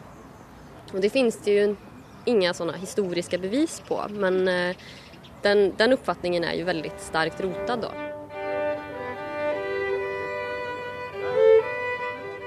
Denne umoralske festingen måtte stoppes, ifølge de kristne overhodene på 1500-tallet. De ville heller bruke dagen til å feire døperen Johannes, også kjent som sankthans. Den dagen kjenner vi bedre til, men svenskene ble ikke overbevist og fortsatte festen på urnordisk vis. Så ta deg da en supp, her er fem ditt og två ditt og tre ditt og fire. Utover midtsommerkvelden er drikkevisene, eller nubbeviser som svenskene sier, og påfølgende snaps et fast innslag. En, en nubbevise skal jo være liksom, fulgt av en snaps, så du skal gjerne synge innenfor hver gang du drikker. Så det finnes jo, det finnes jo ofte et helt hefte på bordet med, med forskjellige sanger òg, men så er det jo en som man skal kunne, og den kan jo faktisk alle svensker kan den, og den heter Helan går. Helan går, sjung hopp for alla lei, og den som ikke helan tar, han heller ikke halvan får. Helan går. Så skal man drikke her. og sen efter man har drukket så Sjung hopp.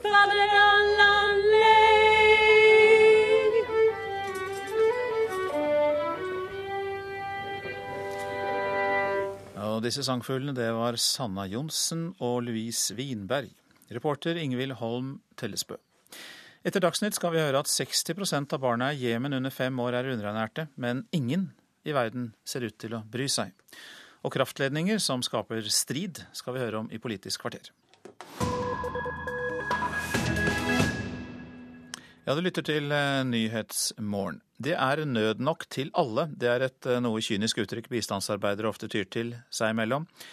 Et tilleggsproblem er at nøden må være på rett sted til rett tid for å få internasjonal oppmerksomhet. Det er eh, Unicefs erfaring.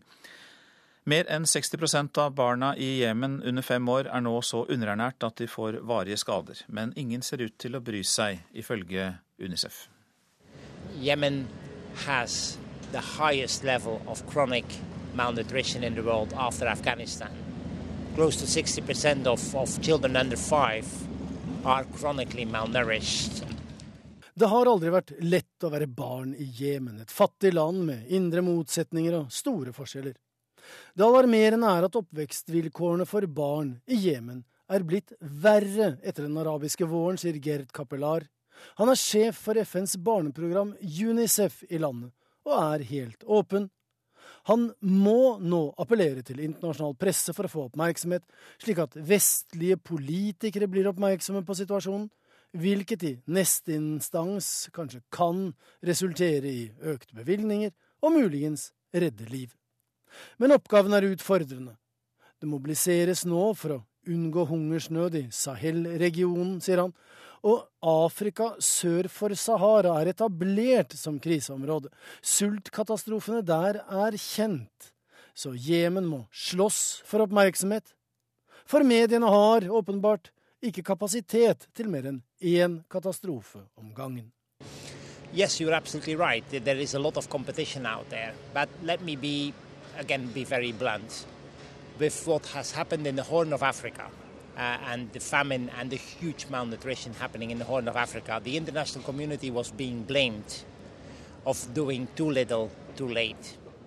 Det er et hjertesukk, men Gerd Kapellar må forsøke. Etter alt som skjedde på Afrikas Horn, ble Vesten kritisert for å ha gjort for lite for sent. Hans intensjon med å besøke nordiske hovedsteder nå er å forsøke å forhindre at man blir møtt med akkurat den kritikken en gang til. Men klokka går. De skadene som jemenittiske barn får i dag, vil bli en utfordring om 15-20 år, når flere årskull unge voksne er underutviklet både fysisk og psykisk. Da vil konsekvensene være enorme. Men man behøver dessverre ikke vente så lenge, sier Gerd Kapellar. Det er allerede ille. So the, the impact is already today. In mid and the longer term, the impact much, much more bigger. So the choice is worse. Either we want Yemen to thrive, either we want Yemen's population to grow up healthy and to develop, or we just put Yemen and we forget about it. Uh, and the choice is ours, and the choice needs to be made today. Vi har valget. Vi kan redde eller glemme Jemen, sier Unicefs Jemen-representant og setter det hele på spissen. For i bakgrunnen lurer Al Qaida. Terrororganisasjonen utnytter sosial uro og misnøye til egen vekst. Deler av Jemen er allerede en frihavn for ytterliggående fundamentalister. Det er mange i Jemen som i fortvilelse og nød synes at Al Qaida er det beste alternativet, er Gerd Kapellars avsluttende ris bak speilet. You know, any fight against Al Qaeda maybe, maybe we may have temporary successes, but the next couple of months, again, we will have double of Al Qaeda fighters uh, present because people are desperate and people are growingly desperate. Young people, particularly, are growingly desperate. Al Qaeda may be the best alternative for them. Joar Ho Larsen hadde laget dette innslaget.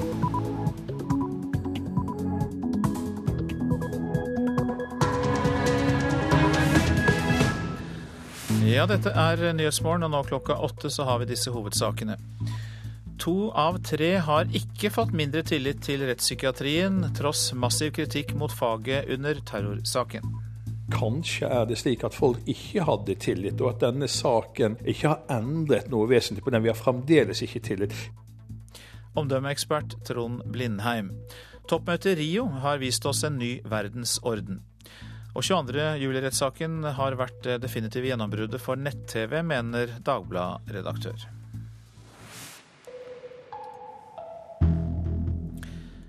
To av tre nordmenn sier de ikke har fått dårligere tillit til norsk rettspsykiatri. Det viser en spørreundersøkelse Norstat har gjennomført for NRK.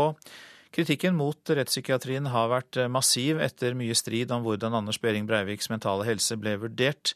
En grunn kan være at de har mye å gå på, sier omdømmeekspert Trond Blindheim.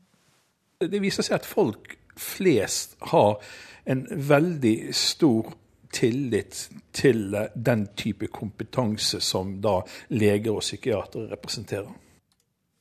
Og rettspsykolog Pål Grøndal han er overrasket over at tilliten fortsatt er såpass høy. Fordi det har jo vært eh, rødmende ubehagelig å lese hvilke type kritikker som har kommet i avisene. Noen er enig med rettspsykiater Husby at det har vært nærmest elleville tilstander.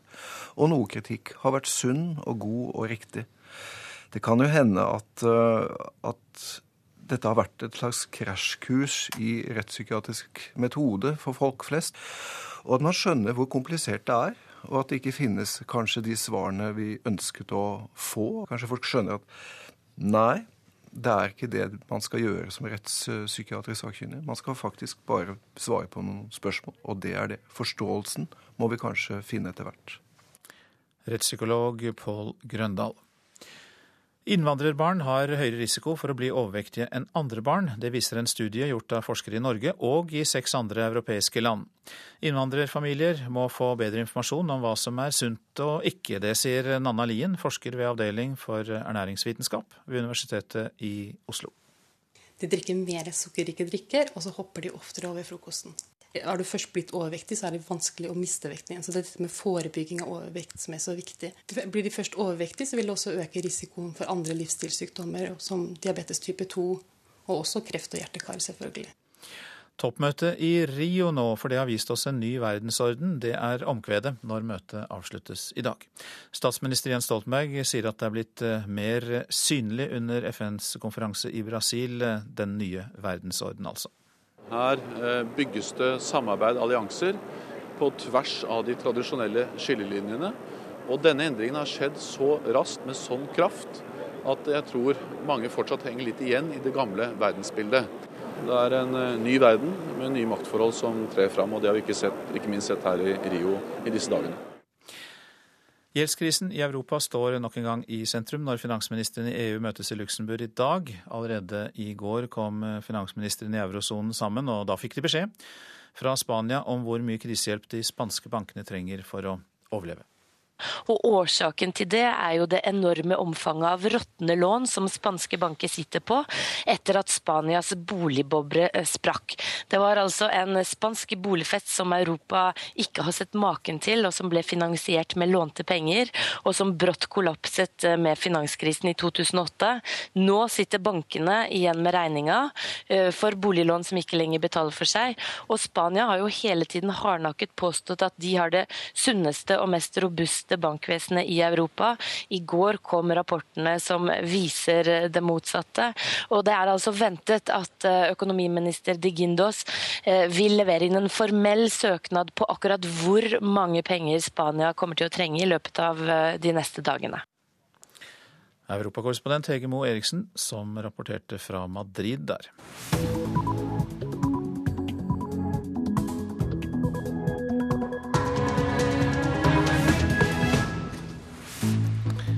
Det er klokka halv ni 22. juni, og Nyhetsmorgen har disse overskriftene.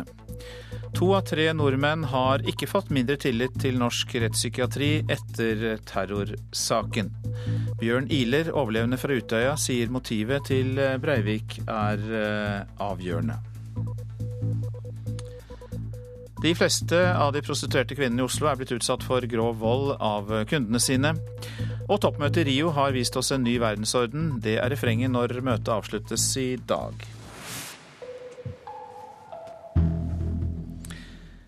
Det er altså siste dag i rettssaken mot Anders Behring Breivik i Oslo eh, tingrett. I går ba aktoratet om at han dømmes til tvunget eh, psykisk helsevern.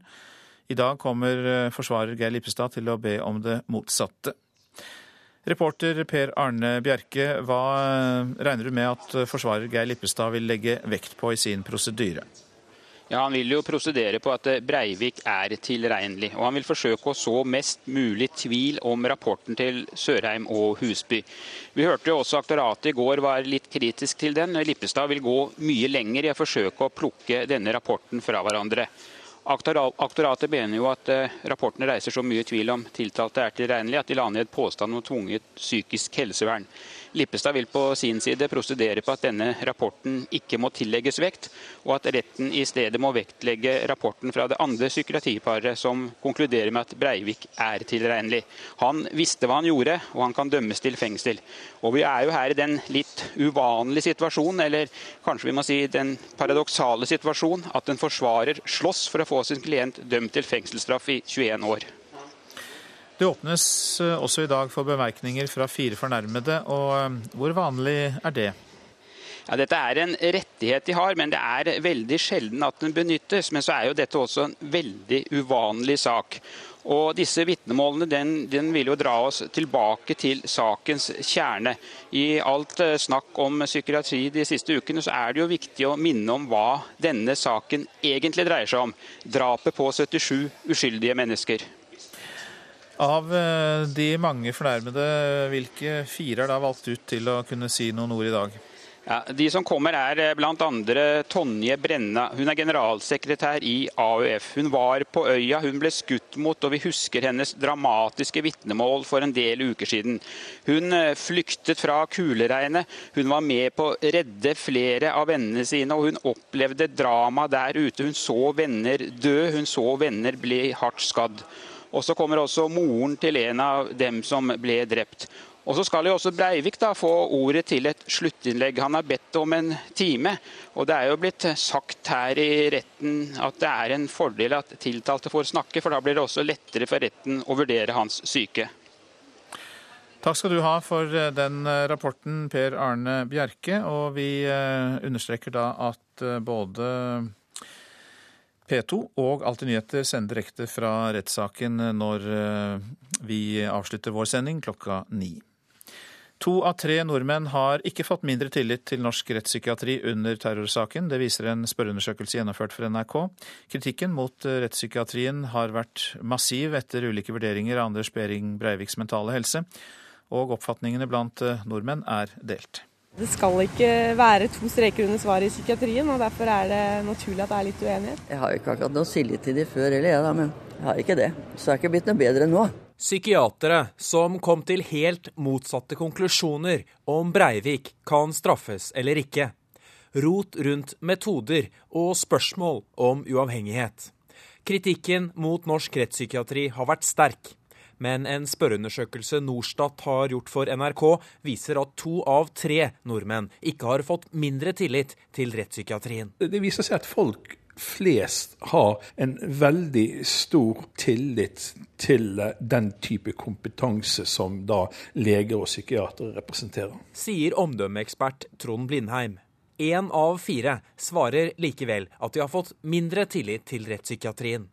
Blindheim tror også skepsisen blant folk kan være større enn tallene viser, siden undersøkelsen ikke forteller hvor skeptiske folk var i utgangspunktet. Kanskje er det slik at folk ikke hadde tillit, og at denne saken ikke har endret noe vesentlig på den. Vi har fremdeles ikke tillit. Vi får bare bekreftet det vi visste fra før om norsk rettspsykiatri. Rettspsykiater Kjersti Naru er glad for at ikke alle har mistet troen på norsk rettspsykiatri.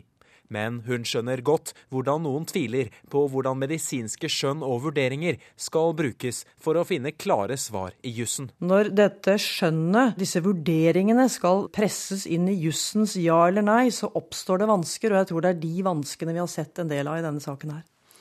Ja, psykiater Kjersti Nari til slutt der, og reportere Haldor Asvald og Tom Ingebrigtsen.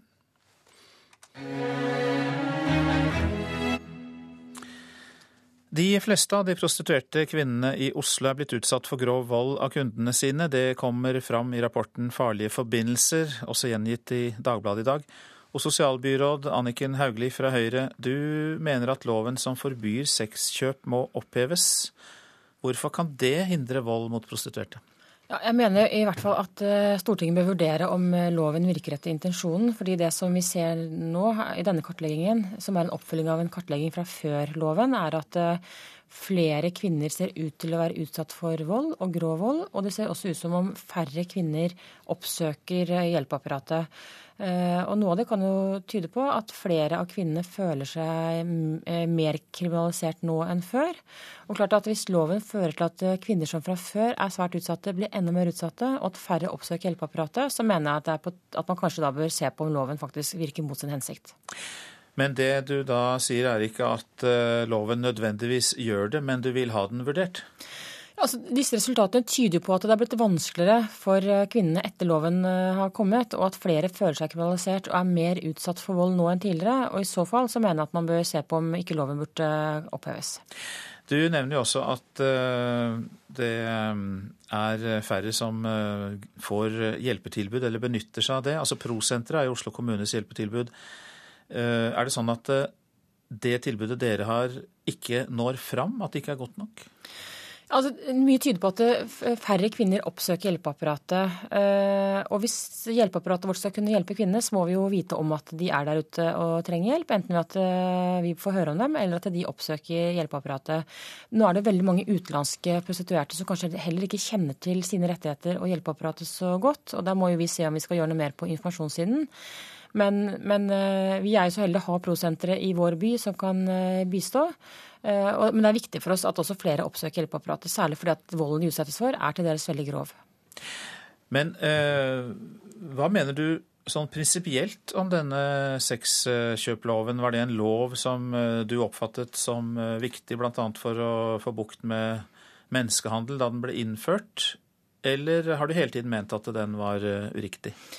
Jeg var veldig skeptisk til loven da den kom, eh, for jeg var usikker på hva man egentlig ønsket å oppnå med den eh, den gangen. Jeg tror de fleste skulle jo ideelt sett ønske at prostitusjon ikke fant sted, at det ikke var noe marked for eh, kjøp og salg av seksuelle tjenester. Men det tror jeg vi bare må erkjenne at det har alltid vært, og det kommer det antageligvis også alltid til å, å være. Jeg mener at altså, det er mye i dette markedet hvor det handler om menneskehandel, og det er helt åpenbart at det må også politiet slå ned på, og det er viktig å avdekke det.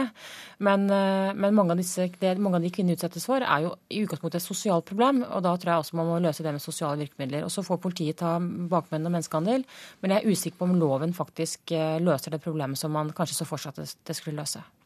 Og at det kan bli stilt spørsmål ved denne loven hvis det blir et regjeringsskifte, kanskje, for å tenke litt fremover i tid? Ja, jeg ser ikke bort fra at dette kan være blant de lovene som eh, en ny regjering vil eh, se på, kanskje også endre. Sosialbyråd i Oslo, Anniken Hauglie fra Høyre, takk for at du kom til studio. Nå utenriks. Afghanske regjeringsstyrker har i hele natt forsøkt å slå tilbake et Taliban-angrep mot et hotell utenfor hovedstaden Kabul. Tungt bevæpnede opprørere angrep hotellet under en bryllupsfest og tok gjester og ansatte som gisler. Flere sivile skal være drept. Skuddvekslingen mellom gisseltakerne og afghanske sikkerhetsstyrker fortsatte i morgentimene i dag, mens Nato-helikopteret sirklet over det som vanligvis er et idyllisk utfartssted ved Kargasjøen, ni km vest for Kabul. Sent i går kveld lokal tid stormet Taliban-opprørere bevæpnet med rakettdrevne granater, automatvåpen og eksplosiver Spotsmai-hotellet, et populært sted blant utlendinger og velstående afghanere. En bryllupsfest var i gang på hotellet da opprørerne slo til, og minst én av angriperne skal ha sprengt seg selv i luften. Både gjester og ansatte ble tatt som gisler. Fire av dem skal ha klart å hoppe ut av vinduer og gjemme seg fra angriperne i sjøen. Ved daggry satte afghanske sikkerhetsstyrker i gang en offensiv mot hotellet, men terroristene holdt stand og svarte på ilden i flere timer. Vel åtte timer etter at angrepet startet er mellom 35 og 40 gisler befridd, blant dem kvinner og barn, og to av opprørerne er drept. Det skal også være sivile som er drept i aksjonen. Hotellets øverste etasje skal nå være ryddet for terrorister, ifølge politisjefen i Kabul, som ikke vet hvor mange gisler som fortsatt befinner seg i hotellet. Taliban sier at de står bak angrepet mot hotell Spotsmai, som en talsmann beskriver som et sted der utlendinger samles hver torsdag kveld til ville fester med alkohol. Utenriksmedarbeider Wenche Eriksen. Også norske soldater deltar i operasjonen som fortsatt pågår, sier pressetalsmann i Forsvaret Øystein Kvarving. Det jeg kan si om den operasjonen, eh, det er eh, at eh, norske soldater er til stede og veileder i henhold til sitt oppdrag. og at det er en afghanskledet operasjon. Hva ligger i å veilede? Altså De deltar ikke aktivt i operasjonen? Nei, Det å veilede kan bety å støtte i forhold til disponeringer og beslutninger, f.eks. Pressetalsmann i Forsvaret Øystein Kvarving, reporter Iver Kleiven. Toppmøtet i Rio har vist oss en ny verdensorden. Det er omkvedet når møtet avsluttes i dag. For midt under Vestens finanskrise så krever nye, store, framvoksende økonomier å bli hørt. Era, yes. Visepresident i Verdensbanken Rachel Kite er blant de mange som mener vi ser en ny æra og verdensorden i de gigantiske hallene hvor Rio-toppmøtet foregår. Flat, multi multi en ny verden med flere motsetninger og i hurtig vekst. En vekst som er gledelig, sier Richard Worth, som leder FNs støtteorganisasjon UN Foundation og var en del av Clintons administrasjon. World's uh, shift of power and, and resources, uh, Brasil, Russland, India, Kina og Sør-Afrika får mye mer makt og er til stede under Rio-konferansen, mens USA, Tyskland og England har nok på hjemmebane. Når flere er store og vil ha ord med i laget, blir det vanskeligere å bli enige. Blant annet derfor blir det bare vage beslutninger fra Rio-konferansen. Revolusjonen skjer ikke med avtalen, men med deltakerlisten. Her eh, bygges det samarbeid, allianser på tvers av de tradisjonelle skillelinjene. Og denne endringen har skjedd så raskt med sånn kraft at jeg tror mange fortsatt henger litt igjen i det gamle verdensbildet. Sier statsminister Jens Stoltenberg. Det er en eh, ny verden med nye maktforhold som trer fram, og det har vi ikke, sett, ikke minst sett her i Rio i disse dagene. Statsminister Jens Stoltenberg i Rio til reporter Lars Nehru Sand. Klokka har passert 8.43. Vi har disse hovedsakene i Nyhetsmorgen. To av tre nordmenn har ikke fått mindre tillit til norsk rettspsykiatri etter terrorsaken, viser spørreundersøkelse. Nye strømkabler til utlandet er skadelig for norsk industri, det mener LO-forbundet Industri Energi. Norge har for lite luksus å by amerikanske turister. Firestjerners hotell er ikke godt nok. Mer om det snart her i Nyhetsmorgen.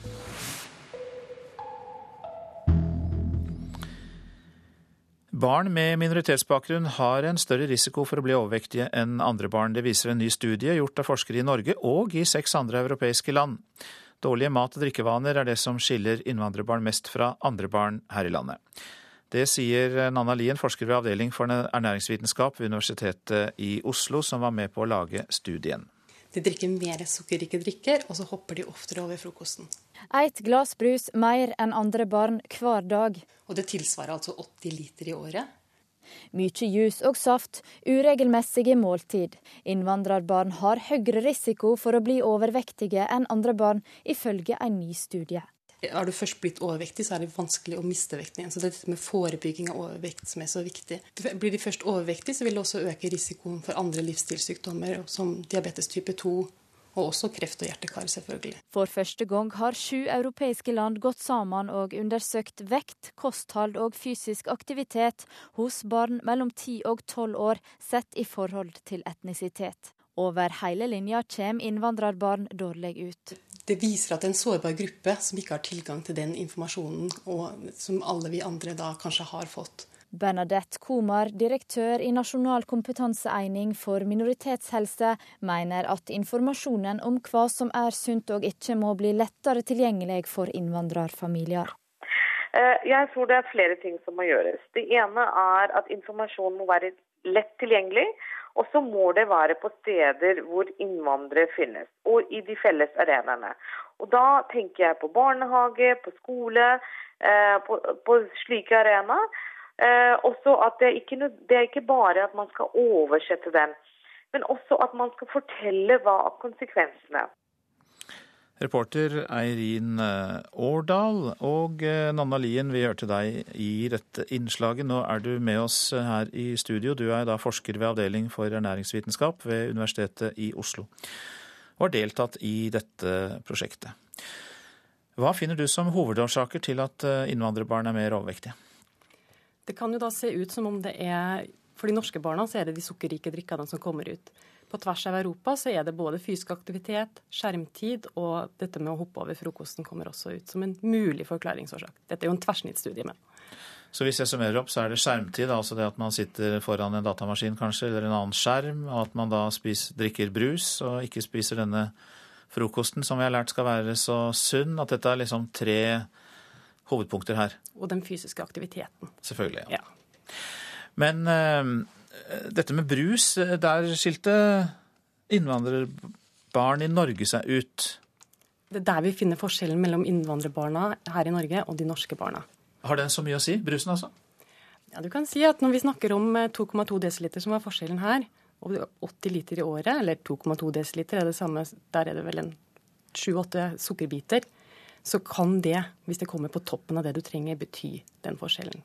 Så det er sukkerbiten i brusen, det er der det ligger. Eh, og du vil kanskje ikke anbefale sånn uh, sukkerfri brus heller, eller? Der sier vi jo at hvis du er storforbruker, og du har problemer med vekta, så kan også barn, så lenge de er over tre år, heller gå over på kunstig søte. Okay. Men det beste er jo vann. Beste er vann. Eh, men eh, det, det ble jo sagt en del om eh, tiltak her. Men opplever du at dette på en måte er et integreringsproblem? At det er en del av hele det store integreringsspørsmålet i Norge? I Norge det vil jeg ikke uttale meg om, men det, det vi ser er jo mønstre på tvers av Europa som gjør at man lurer på er det noe med den gruppa som gjør de mer sårbare, når vi finner dette mønsteret på tvers. Og det som vi var inne på her, om når vi fram i informasjonen, er vi lurer jo på det fordi at barna har oppløst at de snakker et annet språk enn norsk hjemme. Da må vi sørge for at informasjonen kommer på et språk de skjønner, og kanskje gjerne muntlig, ikke skriftlig, som Bernadette Kumar var inne på. Hvilke kanaler vil du bruke da? Jeg tenker at skole- og helsestasjoner er veldig viktige. Eh, men også hvis man kan få med seg da eh, opinion leaders fra, fra innvandrermiljøet som kan formidle dette budskapet på en konkret måte, i form av sukkerbiter f.eks. Nå har jo eh, innvandrere vært stjerner, blitt stjerner i norsk idrett. Men det er da enkeltstående tilfeller, da, og ikke den store gruppen, fordi det er for lite fysisk aktivitet òg, sier du? Fysisk aktivitet og skjerm så er de jo like dårlige som de norske. Så der kan du si at det er jo noe positivt med de norske innvandrerbarna. sånn sett. Og det er klart at eh, Her snakker vi generelt og gjennomsnitt, og du vil alltid finne de som har fått med seg budskapet og er sunne og spiser sunt og er aktive. Takk for at du kom, Nanna Lien, som altså er forsker ved avdeling for ernæringsvitenskap ved Universitetet i Oslo. I går fikk vi vite at en ny strømkabel mellom Norge og Tyskland kan være i drift fra 2018, men eh, det er ikke bra. Det fører til dyrere strøm, både for industrien og for forbrukerne. Den som mener det, er Leif Sande, leder i Fagforbundet Industri Energi. Vi mener jo at vi har mer enn nok med utenlandskabler. og Faren er det at vi pådrar oss en strø høyere strømpris her i landet, og at vi må betale det over nettleie, så nettleia til folk går opp. og det gjør jo egentlig òg at det blir mindre gunstig for industri å eh, drive i Norge med den utviklingen vi da får. Men Leif Sande tar helt feil. Det sier sjefen i energiprodusentenes organisasjon Energi Norge, Oluf Ulseth. Ja, vi jubler sammen med miljøbevegelsen og mange over at eh, flere kabler det bidrar til eh, sikker strømforsyning, bedre klima og grønn vekst. Og der vi er uenige, er vel at viktigste effekten er jo at vi eh, sikrer oss forsyningen. Hvis vi ser på de to siste vintrene, i fjor vinter og året før, så hadde vi veldig tørre og kalde vintre. Da hadde vi behov for import. Eh, kabler gir muligheten for å selge når det passer, og kjøpe når det passer. Vi trenger å importere når det er kaldt og tørt i Norge. Hadde vi ikke hatt de kablene vi allerede har, eh, så hadde det vært eh, håret før det ble svart. Mindre svinging i strømprisen, sier Ulseth. Men Strømmangel og prishopp de siste vintrene har andre grunner enn mangel på kabler til utlandet, mener Leif Sande. Grunnen til at vi har kommet i de situasjonene på vintrene, er at vi har eksportert alt vi kunne på høsten året før, og så ligger vi med tomme basseng når det begynner å bli kaldt. Og Det er akkurat det samme som holdt på med i år. Vi har jo eksportert bare de siste månedene bortover mer enn 15% av den norske totale energiproduksjonen. Det går for hakka møtt eh, i disse kablene ned til kontingentet. Ja, men det, det, det jo det Ulseth mener er bra. Det. For hans medlem er det veldig bra. Mm. For hans medlem, for de tjener penger og, på, på, dette her. For norske Mens, forbrukere så er det en fordel? Nei, det er ikke en fordel for norske forbrukere. Flere kabler gir høyere strøm, færre kabler gir lavere strøm. Det har vi fått utført utredninger på, og det vet du like godt som meg at er en konsekvens av det. Ja, Det er rett og slett feil. Hvis vi hadde hatt færre kabler de siste to årene, så hadde prisene i Norge vært vesentlig høyere enn det er i dag. Under forutsetning av at du ikke driver med kontroll av magasinene, ja. Kabeldebatt i Politisk kvarter som ble ledet av Bjørn Bø. En 54 år gammel bedrageritiltalt kvinne er i Oslo tingrett dømt til tre års fengsel, der ett, eh, år av straffen er gjort betinget. Kvinnen var tiltalt for en rekke grove bedragerier og to tilfeller av trakassering. 54-åringen er tidligere straffet for en lang rekke tilsvarende saker både i Norge og i Sverige. De nye makthaverne i Kongo er innstilt på å finne en løsning for de dødsdømte nordmennene Tjostov Moland og Joshua French. Det sier Norges ambassadør til landet, Jon Vea, etter møter i Kongos hovedstad Kinshasa. Vi opplever at uh, om et nytt mannskap som også virker som de har ambisjoner om å utrette ting i Kongo, at de kan medvirke til noe, at vi kommer mot en løsning. Vea bekrefter at han møtte flere sentrale nye ministre, med justisministeren i spissen, under sitt ukelange besøk. For Denne saken her, den er så komplisert i Kongo at den finner ikke en løsning uten at uh, man på høyeste nivå gir uh, altså, føringer om hvordan saken skal løses. Men det er også veldig viktig for oss å, å ha god kontakt med justisministeren. Sa ambassadør Jon Vea til reporter Kjell Pedersen. Norge har ikke de luksustilbudene som amerikanske turister vil ha. Reiseglade og pengesterke amerikanere jakter på nye reisemål, og de er svært begeistret for naturen her til lands. Det skal vi snart få høre. Men selv ikke et firestjerners hotell er godt nok for de mest kresne. Midt i hjertet av Sunnfjord, på et idyllisk gardstun, står Steinar Sørli og tripper foran et bord med champagne og kanapeer. Han venter kresne gjester på Åmot gard i dag. Ja, vi gleder oss nå. De kommer jo fra hele USA, så nå håper vi at de liker seg her i Sunnfjord og vil komme tilbake med gjester. Stille opp med nyåpna champagne? Ja, selvfølgelig. Det må være champagne og selvfølgelig andre lokale råvarer. Hei! Velkommen. Ut av bilen kommer åtte amerikanske reiselivsagenter som akkurat har blitt kyssa fra Bergen med privat yacht. De er på synfaring for å vurdere Norge som reisemål for kremen av amerikanske reisende. I love it. I can hardly wait to send clients here. We have not understood how incredibly beautiful and rich and interesting this country is, and it's time we discovered it. Jeg elsker det og kan knapt vente med å sende kunder hit, sier Marjorie Hunter fra Dallas. Vi har ikke innsett hvor utrolig vakkert og spennende dette landet er, forteller hun. Men storslått natur er ikke nok alene. Our clients expect a level of luxury and service that is, is not right Våre kunder forventer et nivå med luksus og service som ikke er til stades nå, forteller Hunter. Hun og følget bor på Solstrand hotell utenfor Bergen, et av de flotteste i Norge. Hun kaller det et firestjerners hotell, og mener fem stjerner er minimum for hennes kunder. Og Dessverre så er det slik at Norge fram til ganske nylig har vært kjent for dårlig mat, lavbudsjettovernatting, Christine Gaffney i The Travel Designer i Bergen er på et vis vertskap for norgesturen til sine amerikanske kollegaer.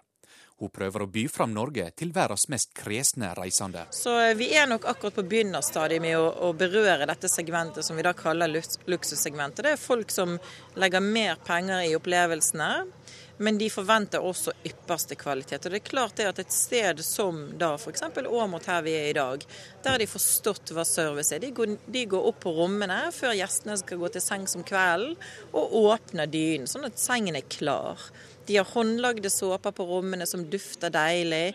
Eh, de går ut om morgenen før frokost og plukker jordbær fra sin egen hage, eller urter som de bruker i, i maten som de serverer til middag. Men de fem rommene på Åmot gard er ikke nok til å ta imot ei bølge av luksusturister. Og Norge vil aldri kunne tilby luksushoteller som de savner. Det forteller administrerende direktør Christian Jørgensen i Fjord-Norge, destinasjonsselskapet for Vestlandet. Jeg tror eh, rett og slett ikke det er mulig å få til, med mindre vi har en svært rik onkel som har lyst til å investere voldsomt med penger. Og ikke minst også subsidiere drift i lang, lang tid. Eh, vi er et kostnadskrevende land, vi har høye lønninger. Luksus krever ofte veldig, veldig mange mennesker. Vi har svært høye lønnskostnader, og derfor også få mennesker, og dermed så klarer vi ikke levere den typen luksus er ikke det nettopp de som er aller mest pengesterke vi bør lokke til et høykostland som eh, Norge? Jo, og vi gjør det. Vi, vi, henter inn svært pengesterke folk, men som ikke krever en form for hva skal vi si, bling-bling-luksus, men som krever skikkelig kvalitet, fantastiske opplevelser, eh, helt unike ting skal vi si, innenfor ferien sin, og som er villige til å betale for det. Men som ikke nødvendigvis skal ha den her, si, gullkrana på hotellrommet sitt, men som syns faktisk det er utrolig sjarmerende å bo på et historisk hotell, og egentlig forstå og oppleve litt egentlig hvem nordmenn er, og hvor vi kommer fra hva gjelder egentlig vår vestlandstradisjon.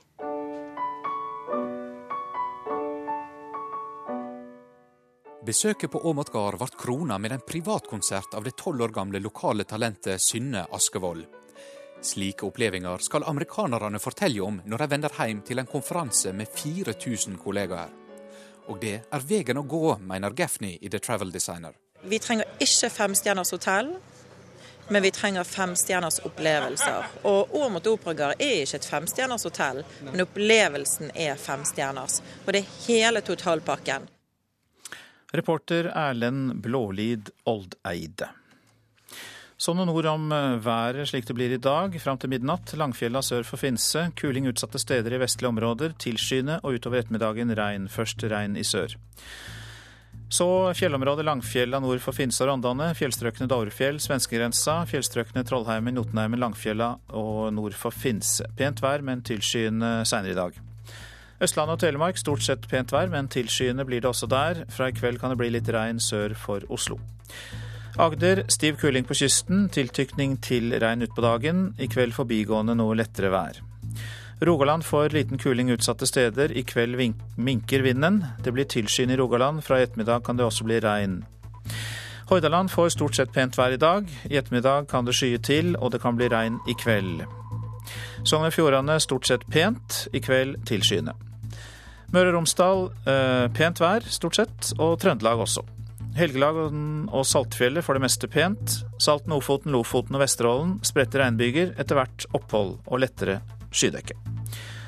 Troms spredte regnbyger, mest i ytre strøk. Fra i ettermiddag stort sett opphold. Finnmark i øst liten kuling utsatte steder. Enkelte regnbyger, gradvis avtagende byggeaktivitet. På vidda opphold og noe sol. Nordensjøland på Spitsbergen spredt regn og yr.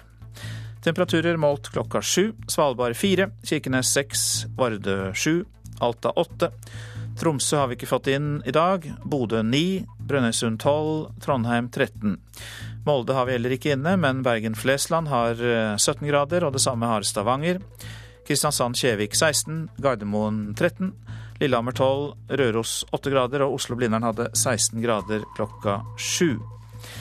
Ansvarlig for nyhetssendingene denne morgenen var Erlend Rønneberg. Produsent for dette programmet Nyhetsmorgen, Elin Pettersen. Teknisk ansvarlig Espen Hansen. Og her i studio, Øystein Heggen. Både P2 og Alltid nyheter sender direkte fra 22. juli-rettssaken nå fra klokka ni. Det er altså Forsvarets prosedyre som blir sendt i begge disse kanalene.